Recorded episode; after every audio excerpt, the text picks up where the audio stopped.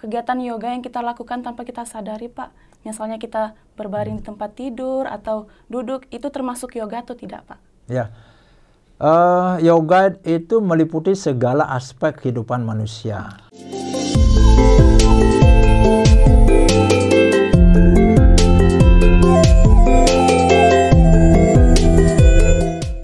Om Swastiastu, pemirsa Hindu Channel di mana pun berada. Hari ini Hindu Channel kembali kedatangan narasumber yang akan mengedukasi kita tentang seputar yoga. Dengan Bapak Made Wirawan, SAGM Filha, langsung saja kita sapa beliau. Om Swastiastu Pak. Om Swastiastu. Salam Rahayu. Salam Rahayu. Kelihatan muda banget ya Pak. Iya, karena yoga. Eh, ngomong-ngomong nih Pak, um, kita dengar informasi Bapak lagi mengkaji suatu uh, apa yoga psikologi manusia. Itu yoga psikologi manusia itu seperti apa ya, Pak? Ya. Jadi begini, kalau yoga itu memang berkaitan dengan psikologi manusia. Berkaitan dengan uh, fisik tubuh manusia, berkaitan dengan kesehatan tubuh manusia, berkaitan dengan pikiran manusia jadi kaitannya sangat luas begitu. Lalu eh, kalau kita menerjemahkan lebih luas lagi, yoga itu juga dapat eh, membuat keseimbangan. Keseimbangan apa? Pikirannya. Nah, kebanyakan kalau kita misalnya eh, terlalu banyak berpikir negatif, ya, berkata-kata yang tidak baik misalnya, nah itu akan menyebabkan pikiran kita tidak seimbang. Nah, ketidakseimbangan inilah yang membuat uh, adanya penyakit. Gitu. Jadi penting sebetulnya semua orang uh, belajar yoga supaya terjadi keseimbangan dan kesehatan yang maksimal dan prima begitu. Begitu ya penjelasannya, Pak. Ya. Terus uh, bagaimana sistem kerja tubuh kita jika kita melakukan yoga, Pak? Kalau kita melakukan yoga ya secara fisik dan rohani hmm. uh, tubuh kita secara fisik itu diberikan stimulus. Maka sebenarnya yoga itu kan perpaduan antara uh, pernapasan dan olah fisik tubuh kita. Namun bila ditarik lebih luas lagi, yoga itu adalah perpaduan antara mind, body, and soul. Begitu. Tapi dalam kerangka dasar untuk memahami uh, hakikat kita sebagai manusia, sebetulnya sebetulnya adalah untuk mengenal diri yang sejati yoga itu. Maka uh, bagaimana kita menciptakan kondisi yang seperti itu mulai dari tahapan fisik dia eh, melalui yoga asanas, melalui uh, pernapasan, melalui meditasi. Jadi itulah tujuannya kenapa kemudian uh, orang itu merasakan kenyamanan ketika dia melakukan yoga asanas karena di, diseimbangkan antara badan fisiknya, badan rohani dan jiwanya gitu. Tidak serta, serta merta kemudian ketika kita melakukan yoga hanya sekali membawa ke kedamaian, membawa uh, ketentraman tidak. Harus dilakukan secara rutin dan berkesinambungan, barulah kemudian membawa uh, dampak yang positif terhadap perkembangan kesehatan tubuh manusia dan kerohaniannya, khususnya yang berkaitan dengan uh, kecerdasan secara intelektual dan kecerdasan secara spiritual. Kebanyakan manusia itu sakit karena apa? Kekurangan asupan ya uh, otaknya terutama yang berkaitan dengan kecerdasan spiritual. Begitu. Dalam penelitian ya secara ilmiah juga dibuktikan bahwa uh, ketika orang uh, apa namanya sering berkata-kata tidak sopan, sering menyakiti dari pikiran, perkataan dan perbuatan, itu akan menghasilkan menghasilkan karma buruk yang nanti akan disimpan di bawah sadar kita. Nah, karena itu dominan di dalam benak kita, maka akan dijadikan eh, pikiran-pikiran uh, negatif itu menjadi sebuah penyakit. Nah, oleh karena itulah dasar kita melakukan yoga itu supaya pondasinya kuat. Ibarat uh, membangun rumah, pondasinya kan harus kuat. Satu yang harus dilakukan adalah uh, apa yang dikatakan yama niyama.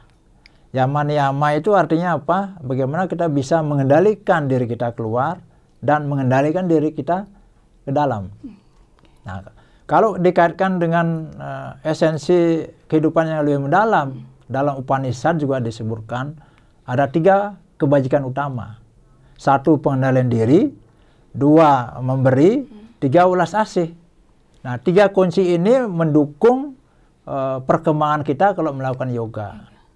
Nah, pengendalian diri itu seperti apa yang kita lakukan? Pikirannya, gitu. Ada gesekan, ada benturan secara fisik di luar baik melalui kata-kata maupun uh, sentuhan fisik kita dapat mengendalikan diri kita. Caranya bagaimana? Dengan pengaturan nafas. Nah, kalau kita sudah sering mengatur nafas, bernapas panjang, maka uh, saya yakin ya kontrol diri, self diri kita lebih terjamin. Kemudian yang kedua data. Nah, ini yang paling penting menurut saya. Kenapa? Karena begini, manusia itu pada dasarnya adalah rakus. Ya. Karena dia rakus, dia harus banyak memberi. Begitu. Memberi dasarnya adalah ketulus ikhlasan. Nah, alam akan membalas kalau kita sering membeli, memberi. memberi. Dengan bentuk apa? Keharmonisan. Coba aja dibuktikan sendiri ya. Kita memberi selama tujuh hari berturut-turut. Ya, dengan tulus ikhlas Nah, pemberian ini juga harus tepat sasaran, tidak se uh, tidak semena-mena memberinya, asal beri saja gitu tidak. Satu yang harus diperhatikan adalah uh, anak yatim, hmm. anak piatu, orang yang cacat secara mental, lalu orang yang jalannya ngesot, lalu uh, orang yang buta misalnya tuh. Umurnya 13 tahun ke bawah. Kenapa? Karena di di umur itu adalah masih suci anak-anak itu kalau sudah umur ke atas dari 13 tahun ke atas itu sudah tercemar dia. Nah, di situlah letak daya kasih. Daya kasih sifatnya menarik demi yang dikasihi. Nah, begitu kita memberi dengan ketulus ikhlasan, maka daya kasih akan memantul pada diri kita. Yang untung kita sendiri. Jadi alam semesta akan menjawab melalui hukum reta, hukum tarik menarik. Nah, oleh karena itulah kemudian uh, uh, wajib hukumnya sebetulnya ya. Iya. Meskipun dengan ketulus ikhlasan, dengan pemahaman ini wajib hukumnya kita memberi. Nah yang ketiga disebut dengan ulas asih. Nah kenapa kita harus ulas asih? Ulas asih itu identik dengan uh, energi Tuhan, daya kasih, gitu. Jadi kita memberi sesama, tidak sembarang kita uh, apa namanya. Contoh yang sederhana ya, iya. misalnya memetik bunga yang sederhana ya. Iya. Itu kita tidak semerta-merta ambil bunganya lalu kita pergunakan. Tidak. Kita harus berbicara dengan tanaman itu. Mohon izin. izin. Saya mau menggunakan bunganya ini untuk bersembayang. Jadi ada di sini kandungan daya kasih. Nah, begitu kita ngomong begitu nanti pantulan daya kasih dari tanaman itu memancar kepada diri kita. Per, diberikan perkenannya begitu. Sehingga di sini akan terjadi hubungan yang saling menguntungkan. menguntungkan. Ya di satu sisi tanaman merasa uh, apa apa istilahnya tuh menikmati anugerahnya dari Tuhan dan di sisi lain kita juga akan mendapatkan keseimbangan. Begitu. Okay, Tiga konsep ini harus dijalankan sebagai pedoman kita melakukan yoga. Okay. Gitu. Jadi yang Bapak jelaskan tadi itu seputaran yoga, uh, apa sih manfaatnya Pak saat kita melakukan yoga? Manfaatnya kita ya, melakukan ya, manfaatnya secara fisik ya. Iya, secara, secara fisik. uh, cara kerjanya begini. Ketika kita melakukan gerakan yoga, okay. ya, itu akan memberikan stimulus pada cakra. Hmm. Cakra itu artinya roda. Roda itu melingkar, berputar. Begitu kita menarik napas, ya uh, prana tadi dia akan prana mengalir ke dalam tubuh kita diolah dalam tubuh kita sepertiga ya disimpan sebagai tenaga cadangan sepertiga dikirim kepada seluruh organ-organ di dalam tubuh kita hmm. dan sepertiga lagi dikeluarkan eh, uh, sebagai energi negatif. Nah, artinya apa? Uh, yoga itu membawa keseimbangan terhadap apa badan fisik kita dan badan rohani kita.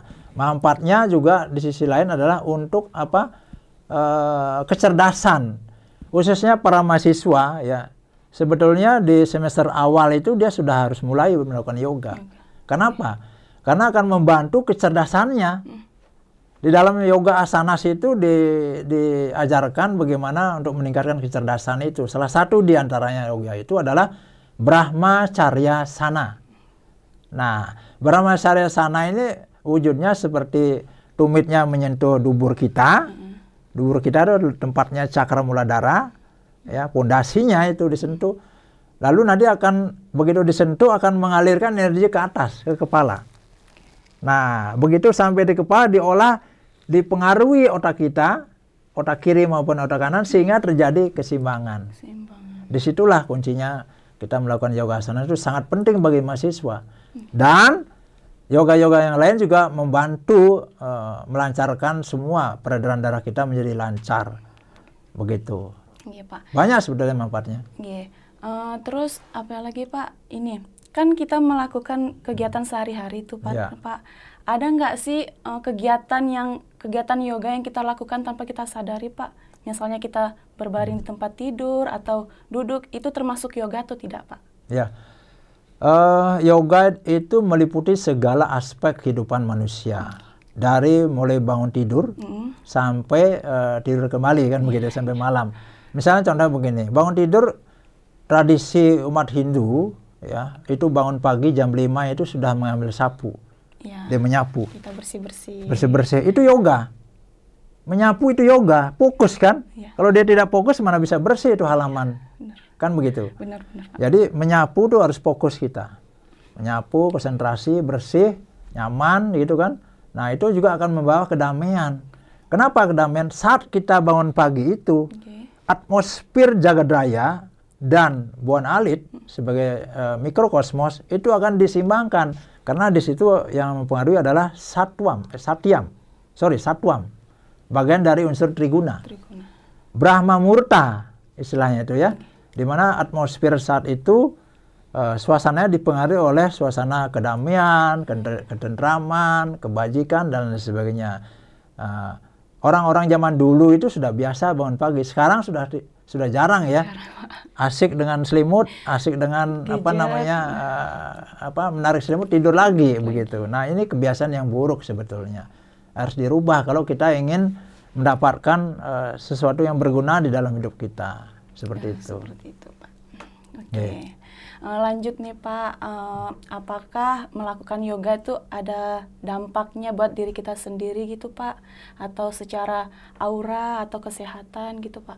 Ya, eh, pasti itu ada, pasti dan yakin bahwa ketika orang melakukan yoga, Ya. khususnya karena yoga kan meliputi segala aspek kehidupan ya, Iya. melakukan yoga asana saja, ya nggak usah jauh, contohnya saya saja, Iya. Saya dari umur eh, dari SMP sudah melakukan yoga, ya memang kelihatan awet muda begitu, awet muda, ya wajah berseri, auranya muncul. Aura itu adalah pancaran dari akibat perputaran cakra yang maksimal, begitu. Tujuh cakra inti yang sering dibahas di dalam yoga itu, Muladhara cakra, Swadhisthana cakra, Manipura cakra, Anahata cakra, Wisuddha cakra, Anya cakra, dan Sastra cakra. Nah, tujuh cakra ini saling berkolaborasi, saling isi mengisi untuk membuat keseimbangan tubuh kita. Jadi dengan demikian, ketika kita melakukan yoga, maka eh, cakra-cakra itu akan berputar dengan lebih baik daripada sebelumnya yang tidak pernah melakukan yoga. Sehingga dengan demikian, wajah kita, aura, aura kita akan muncul. Berseri wajahnya, senyumnya manis, Manis, segala macam ya. gitu. Seperti Mbak kan sekarang udah manis karena sering mendengarkan eh, yoga ya. jadi perlu itu. Pandangan kita jadi sejuk. Berubah wajah kita itu secara struktur dan secara anatomis. Daripada kita tidak pernah melakukan yoga. Sangat berbeda sekali. Begitu. Pendengaran kita menjadi tajam. Intuisi kita menjadi tajam. Hati kita menjadi bersih. Jalan pun kita sudah bisa berubah. Oleh karena kita melakukan yoga asanas. Banyak sekali manfaatnya yoga itu.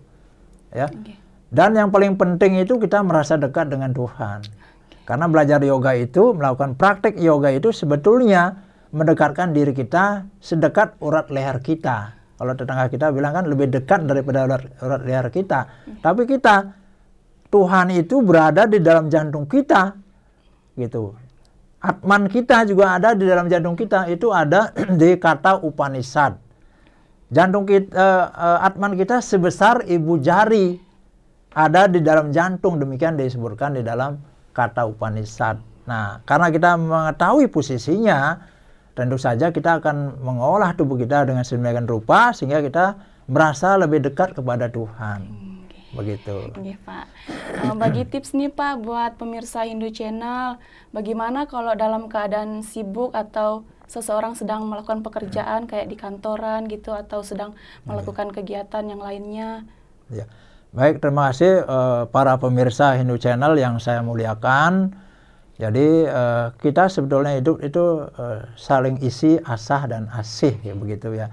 Bukan maksudnya saya menggurui ya, tetapi uh, bagi kalangan pekerja ya bisa melakukan yoga dengan duduk seperti ini saja ya. Ya.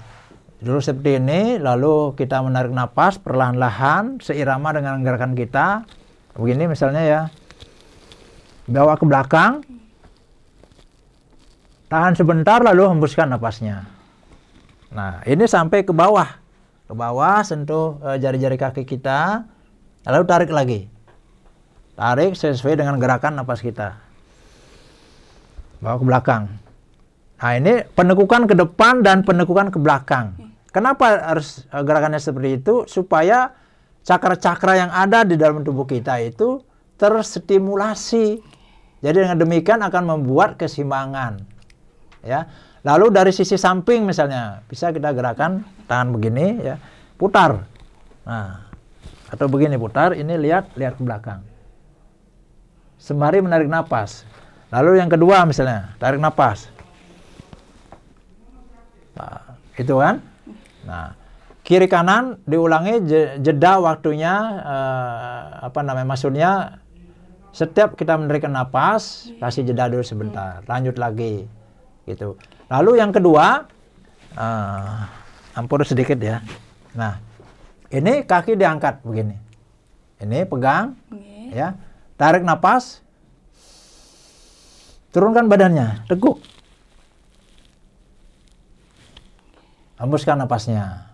Ulangi lagi, tarik napas. Turunkan badannya, sentuh lututnya.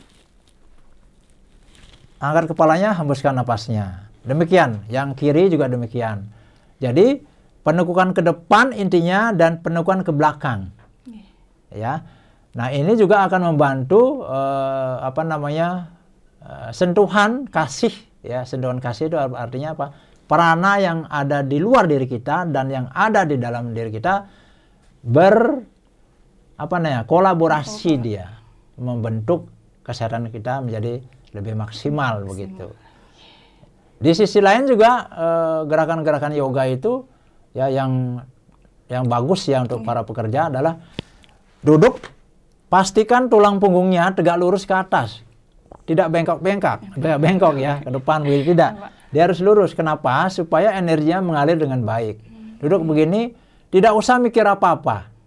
Cukup kita duduk begini, perhatikan jalannya napas. Keluar masuknya napas perhatikan ya lakukan 5 menit bisa ditingkatkan menjadi 10 menit ya nah, setelah itu baru beristirahat itu ya. Pasti akan membawa kedamaian pasti akan membawa ketenangan di dalam diri kita. Berarti yoga itu bisa dilakukan di mana saja dan kapan saja terus uh, pada kesibukan apa pun gitu kan bisa. Begitu kita datang ke kantor misalnya ya lima menit sebelum kita bekerja itu usahakan beryoga dulu. Karena dengan demikian pikiran kita menjadi fresh, tidak stres. Karena begitu orang banyak stresnya, hmm. Nah stres yang menumpuk berkelanjutan, maka dia akan muncul berbagai macam penyakit. Begitu. Pemirsa Hindu Channel, itulah tadi seputaran tentang yoga dan tips-tipsnya yang kita bisa lakukan uh, pada kesibukan kita dan pada kesempatan kali ini, jangan lupa tonton terus uh, Hindu Channel agar bisa terus mengedukasi para pemirsa Hindu Channel di mana pun kalian berada. Dan jangan lupa like, comment, share, and subscribe Hindu channel kita. Dan akhir kata saya ucapkan bersama dengan Bapak Maktur Suksemo Pak. Matur suksemo. Kita ucapkan Pramo Santi. Om, Om Santi Santi Santi Om.